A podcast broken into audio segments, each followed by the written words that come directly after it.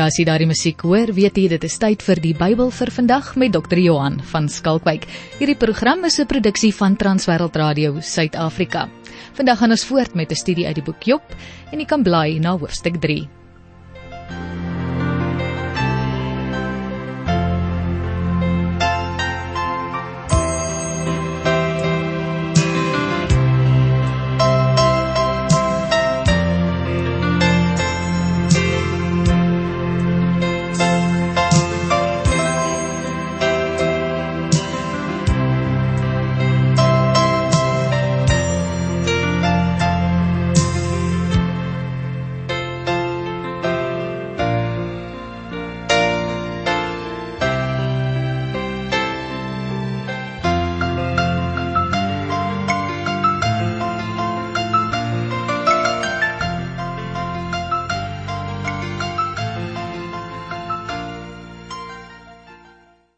Goeiedag liewe vriende. Baie baie hartlik welkom weer by ons program Die Bybel vir vandag.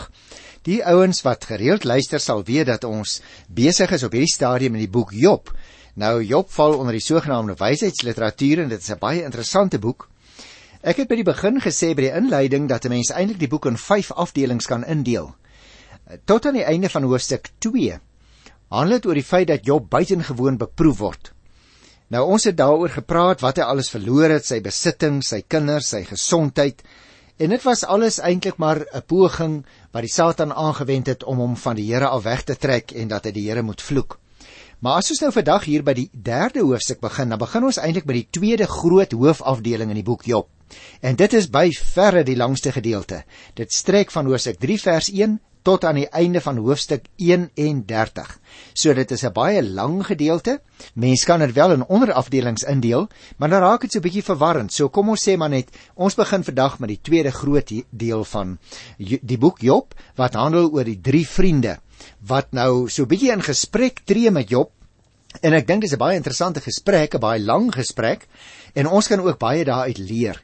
Ek wil miskien uh vandag net die derde hoofstuk behandel en dit het 26 versies en miskien moet ek eers net vir jou 'n oorsig gee. Jy sien Job se reaksie op die tweede toets, naamlik liggaamlike lyding, was heel anders as op die eerste, toe hy al sy goed verloor het. Hy het nog steeds nie die Here gevloek nie, maar hy het wel sy geboortedag gevloek. So ons gaan net nou so 'n bietjie daaroor met mekaar gesels. Hy het naamlik gevoel dat dit beter sou gewees het om nooit gebore te word nie as om deur God in die steek gelaat te word. Dit is soos hy dit beleef het, né? Dit is nie wat die Here gedoen het nie, maar jy en ek beleef dit ook mos soms so asof die Here ver weg is. Hy laat ons as dit ware in die steek. En dit is nie wat die Bybel leer nie, want God hou ons elke oomblik in sy hand volgens Johannes 10 vers 28. Job was natuurlik in 'n geweldige emosionele, liggaamlike en geestelike stryd gewikkel en sy pyn was sekerlik diep, diep en baie intens. Hy was nie net bitter hartseer oor die dood van sy kinders en die verlies van sy besittings nie, maar mens kan verstaan dat hierdie pyn wat hy ook voortduur het fisies as gevolg van die swere wat op sy lyf uitgeslaan het, moes vir hom geweldig onaangenaam gewees het. En daarom luisteraars dink ek, ons kan hom regtig nie verkwalik omdat hy gewens het dat hy liewer dood was nie. Sy situasie het hom by 'n kruispunt in sy geloof gebring en baie wanopvattinge omtrent God in sy eie gedagtes vernietig, soos byvoorbeeld dat die Here beloof om sy kinders ryk te maak, moeilikhede van hulle af weg te hou of hulle geliefdes te beskerm. Nou dis juis by hierdie punt van wanhoop in sy lewe dat Job teruggedwing word na die grondslag van sy geloof in God. En luisteraar, dit gebeur nogal dikwels met jou en met my ook, hoor. Ons gaan maar so aan, die Here is as dit ware op die rand van ons lewe, maar eers wanneer ons 'n geweldige krisis beland, dan word ons weer teruggedwing na die Here toe. En daarom is die lyding van Job juis 'n boek wat vir ons so geweldig baie leer oor ons eie situasie, veral in die tye dat ons swaar kry. Job kon een van twee dinge doen. Eerstens kon hy natuurlik die Here vloek en hy kon gewoon tou opgooi of hy kon 'n tweede ding doen. Hy kon op die Here bly vertrou en by hom kragpunt om voort te gaan. Nou is dit baie interessant as 'n mens die verhaal van Job lees, dan as jy agterkom, hierdie man het nooit van sy besittings afgode gemaak nie, maar hy het deurgangs slegs die Here God alleen aanbid. Nou was dit natuurlik as 'n mens so na hom kyk op 'n afstand asof sy toewyding te vergeefs was, want hy is ondanks sy goeie lewe deur rampe oorval. Al die beginsels waarvolgens hy gelewe het, was eintlik besig om in duie te stort en hy het perspektief op sy eie lewe begin verloor hoor. Geen beproewinge en hartseer of hulle nou net 'n rukkie duur en of hulle soms lank aanhou, kan natuurlik die ware doel van die lewe vernietig nie. Ons het ook daaroor gesels al toe ek verwys het na Prediker 3 by die 11de vers as jy miskien dit sou wou naslaan. Jy en ek ontvang nie net die lewe om gelukkig en vervuld te kan wees nie, luisteraar, maar in die eerste plek ontvang ons die lewe van God om hom te vereer. Jy sien die betekenis van die lewe is nie afhanklik van hoe ons voel nie. Soos byvoorbeeld soos hoe Job ook gevoel het nie. Maar die betekenis van die lewe is gebou op 'n werklikheid wat geen mens van ons kan wegneem nie, naamlik God se liefde vir jou en vir my. Daarom is dit verkeerd om te dink dat die Here jou en my laat ly omdat hy ons nie liefhet nie. Dis alles behalwe 'n korrekte afleiding wat 'n mens sou maak. Trouwens luisteraar, die omgekeerde mag dalk juis gebeur. Daar is geen verband tussen die omvang en die intensiteit van ons lyding en die omvang van God se liefde vir ons nie. As jy Paulus se pragtige loflied op die genade van God gaan lees, in Romeine 8 van die 38ste vers af, dan sien jy daar sien dat die apostel jubel en juig en vir ons die lied neergeskryf het wat sê daar is niks in hierdie skepping of in die hemel wat jou en my kan skei van God se liefde wat daar vir ons in Christus Jesus is nie. Nou kom ons kyk dan na hierdie derde hoofstuk in die boek Job en ons gesels so 'n bietjie meer hier en daar oor enkele van die versies uh in meer detail. Ek lees vers 1 en 2. Toe het Job begin praat en sy geboortedag vervloek. Nou dis 'n baie sterk uitlating wat ons hier kry in verband met hierdie man. Hy het gesê die dag waarop ek gebore is, moes nooit aangebreek het nie. Nou dit doen Job natuurlik mettertyd deur sy geboortedag te begin vervloek wanneer hy lyding verduur en sy swaar kry, sy lyding hou net nie op nie. Dit wil sê hy sweer as dit ware asof hy nie kan aanvaar dat die Here hom gebore laat word het nie. En wat daardie dag gebeur het, dat dit eintlik nie bestaan nie. Hy wens hy's nooit gebore nie. Jy kan gerus gaan kyk in Jeremia 20, daar van die 14de vers af praat die profeet ook in dieselfde trant oor sy eie dag wanneer hy so swaar kry. Wanneer Job nou die gesprek hier begin, het so reken ons 'n maand verloop, selfs miskien 2 of 3 maande verloop sedert uh, ons Hoofstuk 2 behandel het by die 7de vers. En die eensaamheid, die stilte en die pyn Die onverklaarbare lyding het nou sy tol op hierdie man begin eis in die selfs in die vroom gemoed van Job hoor want niemand is te vroom om soms ook half moedeloos te raak nie. Ek lees weer hierdie eerste uh, gedeeltjie van vers 3 tot by vers 4. Die dag waarop ek gebore is moes nooit aangebreek het nie. sien jy, hy hy wens uiteindelik weg. Die nag toe gesê is 'n seentjie het in die wêreld gekom. Daardie dag moes net donkerte gewees het. God daarbo moes dit nie eens raak gesien het nie. Geen lig moes die dag deurgebreek het nie. Merk jy op wanneer Job sy geboortedag begin wegpraat uit die geskiedenis uit, dan gryp hy terug op die donkerte wat in die begin oor die skepping gehang het as dit ware. As die lig die dag nie deurgebreek het nie, sê hy, sou Job nie gelewe het nie, want lig maak lewe moontlik. Gaan kyk maar gerus in Genesis 1 daar by vers 3 en 4. Kom ons lees hier Job 3 vers 5 en 6. Donkerte en duisternis. Jy sien hy hou hierdie twee beelde aan die een kant die lig en aan die ander kant die beeld van die donkerte en die duisternis.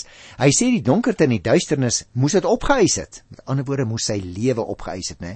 Wolke moes daaroor toegetrek het. Sonsverduistering moes dit oorval het.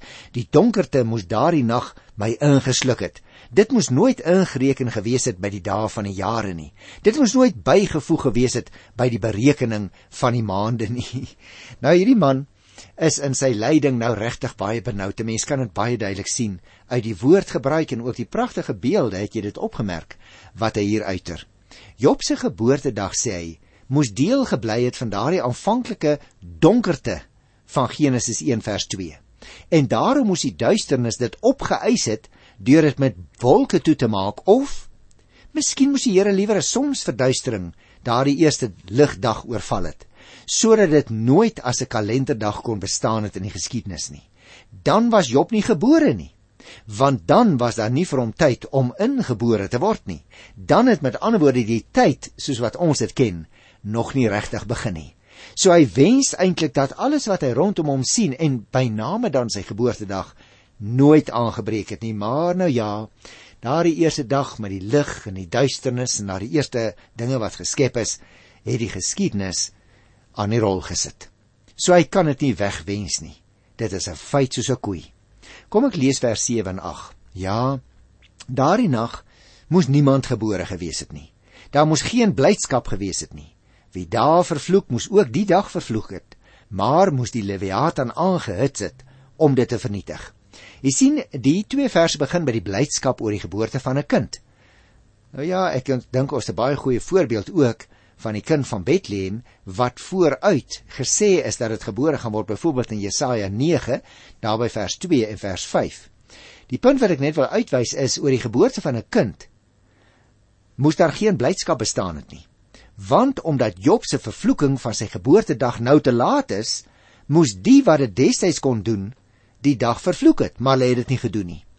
Job verwys dus hier na die toervakmanne van daardie tyd wat daarop aanspraak gemaak het dat hulle die dae in donker rampdae kon omskep deur onder andere die oermonster wat hier in die Bybel genoem word, die Leviathan aan te hits om die son in te sluk en 'n sonsverduistering te veroorsaak Hy het daarvan ook al gepraat in vers 5 en deur die donkerte lewe onmoontlik te maak. Want jy sien die hele gedagte is as daar nie lig is nie, kan daar geen lewe wees nie, nie vir mense nie en natuurlik ook nie vir die plante en vir die diere nie. Ons het hier 'n interessante verwysing na die Leviathan. Nou, liewe luisteraar, as jy sou vra, waarvan praat die Bybel hier? Dan gaan dit maar oor wat die mense van destyds gedink het die seemonster is en dat daar groot monster in die wye oseaan was en dat wanneer hierdie monster begin beweeg, dan is daar ook branders en so. So hiermee sê die Bybel nie daar is so 'n monster hè, soos uh lyk like Nes daar in Engeland nie, né? Maar die Bybel sluit bloot aan by 'n algemene stuk volksgeloof van daardie tyd. Vers 19. Die môre ster moes verduister gewees het. Hy moes te vergeefs gewag het op die lig en nooit die dag sien breek het nie want hy het nie gekeer dat ek gebore word nie, maar hierdie smart nie gespaar nie. Interessant dat hy hier praat van die môre ster. Hy eh, verpersoonlik as dit ware die môre ster, maar antwoorde stel die môre ster ook voor as 'n lewende wese. En daarom sê hy die môre ster sit as dit ware in wag tot die dag breek en dan kondig hy die lig aan. Maar nou natuurlik luisteraar, maar die oppergesag van die donker sou dit daardie dag nie kon gebeur nie. Dit is Job se hele argument. Die môrester is ook aandster, die ster van die liefde. En moes dus die geboorte van Job voorkom het as die ster hom liefgehad het. So dit is die interessante woordgebruik en beeldgebruik wat ons hier in die Bybel kry. Dan was Job sê hy hierdie groot smarte gespaar. Vers 11 en 12. Waarom het ek nie by my geboorte gesterf nie? Net toe ek gebore is, my laaste asem uitgeblaas nie. Waarom was haar knieë om my op neer te sit? borste om my te voed. Natuurlik, 'n kind by sy geboorte, as hy nie sterf nie, is hy op sy ma of soms selfs op op sy ouma se skoot gestel en deur sy ma aan haar borste gevoed. Maar hy sê dit sou nooit kon gebeur het as ek tog maar liewer gesterf het nie. Ek lees nou vers 13 tot 15. Anders kon ek nou stil in die graf gelê het, rustig in die dood geslaap het saam met die konings en raadgewers wat puinhope herbou het, of saam met vorste wat goud besit het, wat hulle huise vol silwer gemaak het. Gebeur dit nie, sterf natuurlik so 'n kind. Nou in Job se lyding is die rus van die dood in die graf, soos hy dit noem, te vergeefs. Uiteindelik is almal dieselfde daaraan toe in die dood wat immers rustig is in vergelyking met die geswoeg van mense terwyl hulle lewe en ja natuurlik in Job se geval terwyl hulle swaar kry en lyding verduur selfs konings en hulle raadgewers wat oor die groot mag beskik in hierdie wêreld in dooie stede wat as puinhope daar lê kan herbou word om nuwe lewe daarin te bring en vorste met goud en huise vol silwer se einde is die graf nou sê Job Ek wens ek het ook maar stil in die graf gelê. Daar immers in die graf lê ook die baba wat by sy geboorte gesterf het. Sy lot is soos die van die sterkes en die magtiges. Dus waarom dan tog lewe en soeg en ly? So klop Job se hart op hierdie stadium. Kom ons lees vers 16 tot 19. Waarom was ek nie maar 'n misgeboorte wat sonder meer begrawe is nie? 'n Doodgebore kind wat nooit die daglig gesien het nie. Dan sou ek daar gewees het waar die goddeloses nie meer kwaad stook nie, waar die wat gedaan is rus vind, waar die gevangenes saam rus geniet en nie meer die stem van die slawedrywer hoor nie. Daar waar klein en groot saam is, waar die slaaf vry is van sy eienaar. Pragtige beelde is dit nie luisteraars? Jy sien met hierdie volgende moontlikheid kom Job nou nog nader aan die prediker. Ons sal nog oor prediker gesels, maar gaan kyk gerus as jy wil daar by prediker 6 van die 3de vers af kry mens dieselfde gedagte as hier.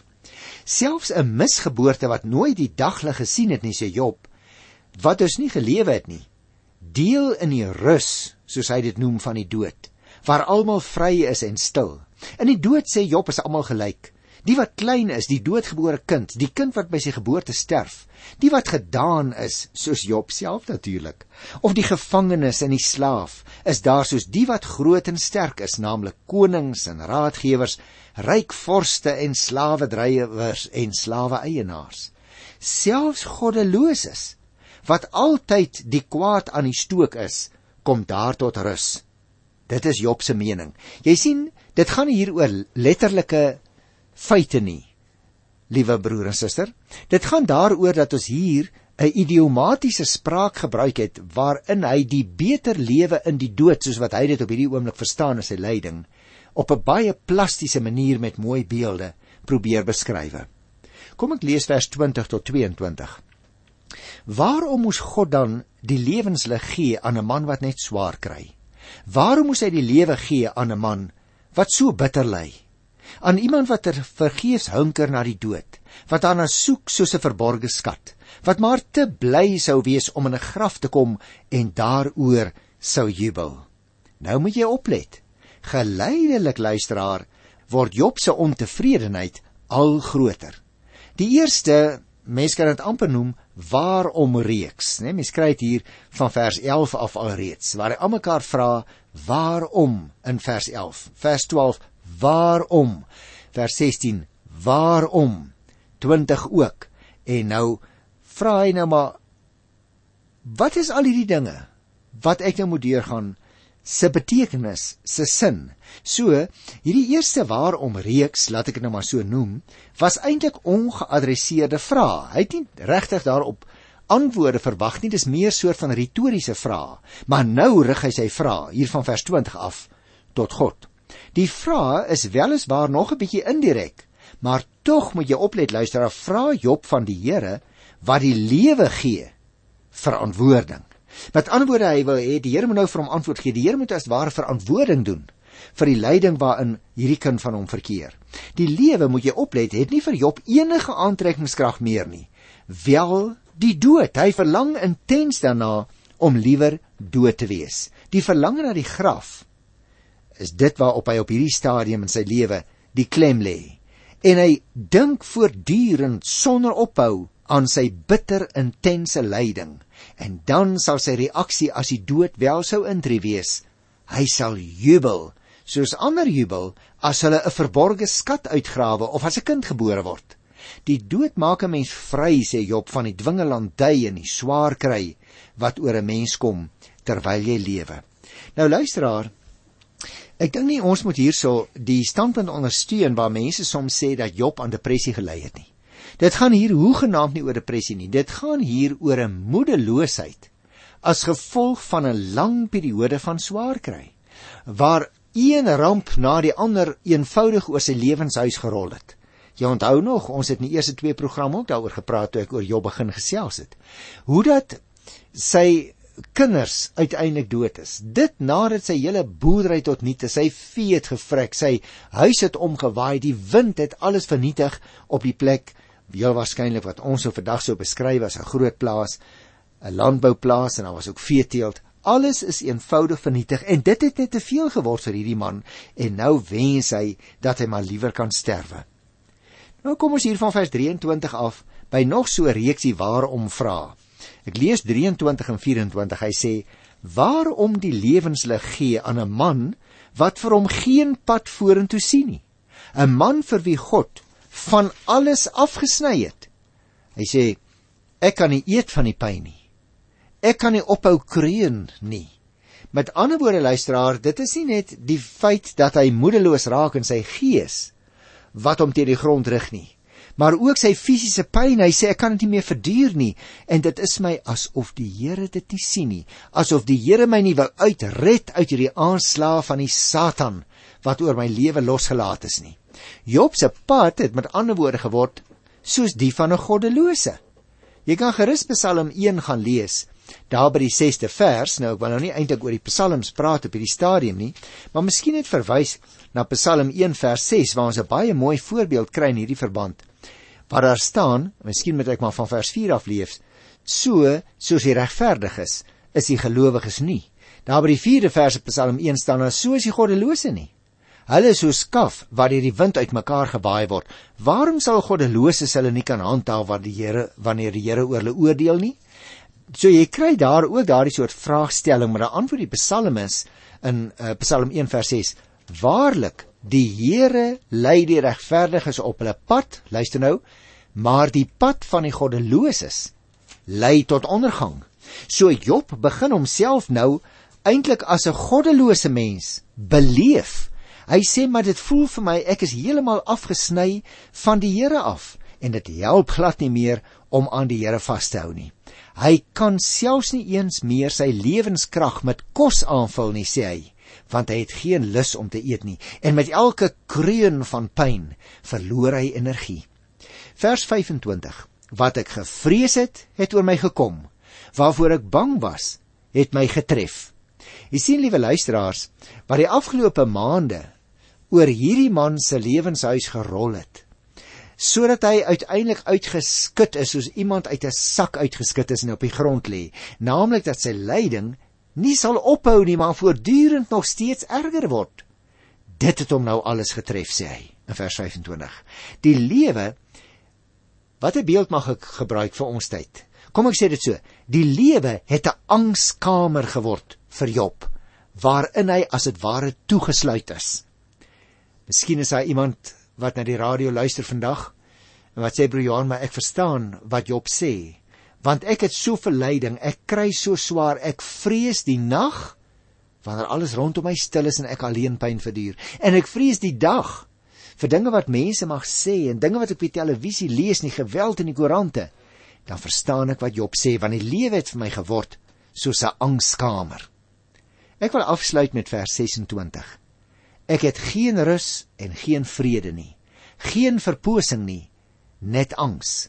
Jy sien luisteraar die rus en die vrede wat deur die dood gebied word ontbreek in hierdie man. Hy het geen rus en vrede nie. Daar is selfs sê hy geen verposing om 'n bietjie te kan asem skep nie. En hierdie heel besondere gesprek van Job met homself, want jy moet oplet dit is 'n stuk selfspraak wat ons hier kry. Wat plek plek ook 'n gesprek met God is, miskien selfs 'n gebed. En dit lê Job se hart bloot, byna soos die van Jeremia ook toe hy in 'n stadium tot God geroep het. Gaan lees maar in Jeremia 20 van die 14de vers af en selfs ook Hosea 15 by vers 10 hier in die boek Job. Dit lê ook na aan die gees van sekere psalms. Ek gaan die psalms nog mee behandel, maar uh, gaan kyk byvoorbeeld op Psalm 22, daar by die tweede vers wat ook so praat van verlatenheid en ook natuurlik ander klaag klaagpsalms behalwe Psalm 22. Dit is 'n getuienis van God se geduld, luisteraars, met sy kinders. Wat vir hom vra vra wanneer jy en ek soms plat geslaan is vir die Here ook vra vra en voor die raaisel van die lewe staan maar dan gewoonlik in so 'n situasie met groot hartseer en pyn en lyding wat ons moet verduur van tyd tot tyd.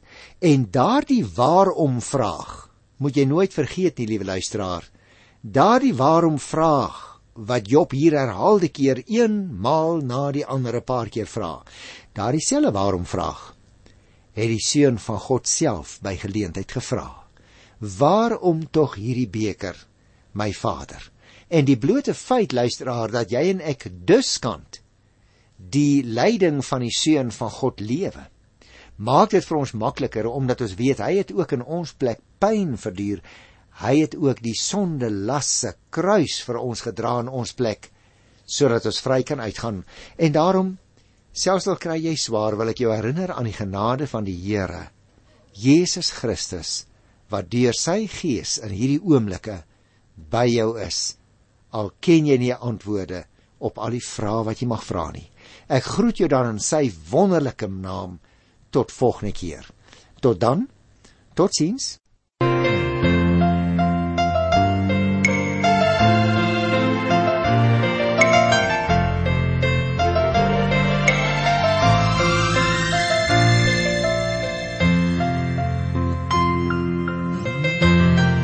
het geluister na die Bybel vir vandag, 'n produksie van Transwêreld Radio Suid-Afrika en die aanbieder was Dr. Johan van Skalkwyk. Ek groet tot volgende keer van my Valerie Silje. Totsiens.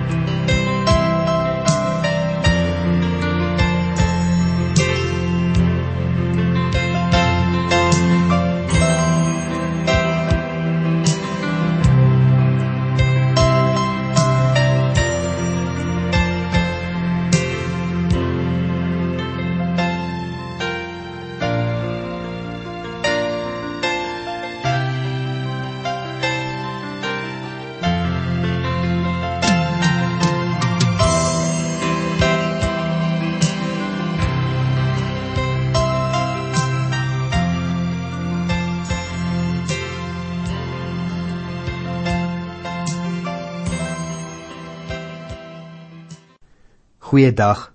As u 'n gereelde luisteraar is na die Bybel vir vandag program op TWR Afrika, DStv kanaal 855, sal u asseblief so gaaf wees om vir ons 'n SMS of 'n WhatsApp boodskap te stuur en ons te laat weet hoe u bemoedig word deur die Bybel vir vandag program. Die nommer waarop u ons kan SMS of WhatsApp is 060 959 6498 Dit sal lekker wees om u as luisteraar se stem te hoor. So as jy weet hoe om 'n stemnota of meer algemeen bekend in Engels 'n voice note te stuur en op so 'n manier vir ons te laat weet wat die program vir u beteken, doen gerus so. Dit sal lekker wees om van u te hoor. Hier is daardie nommertjie weer. 060 959 6498. Ons sien uit om van jou te hoor. As jy graag vandag se episode van die Bybel vir vandag weer wil luister, besoek gerus die volgende webtuiste: www.twr360.org of laai die TWR360 selfoon app af.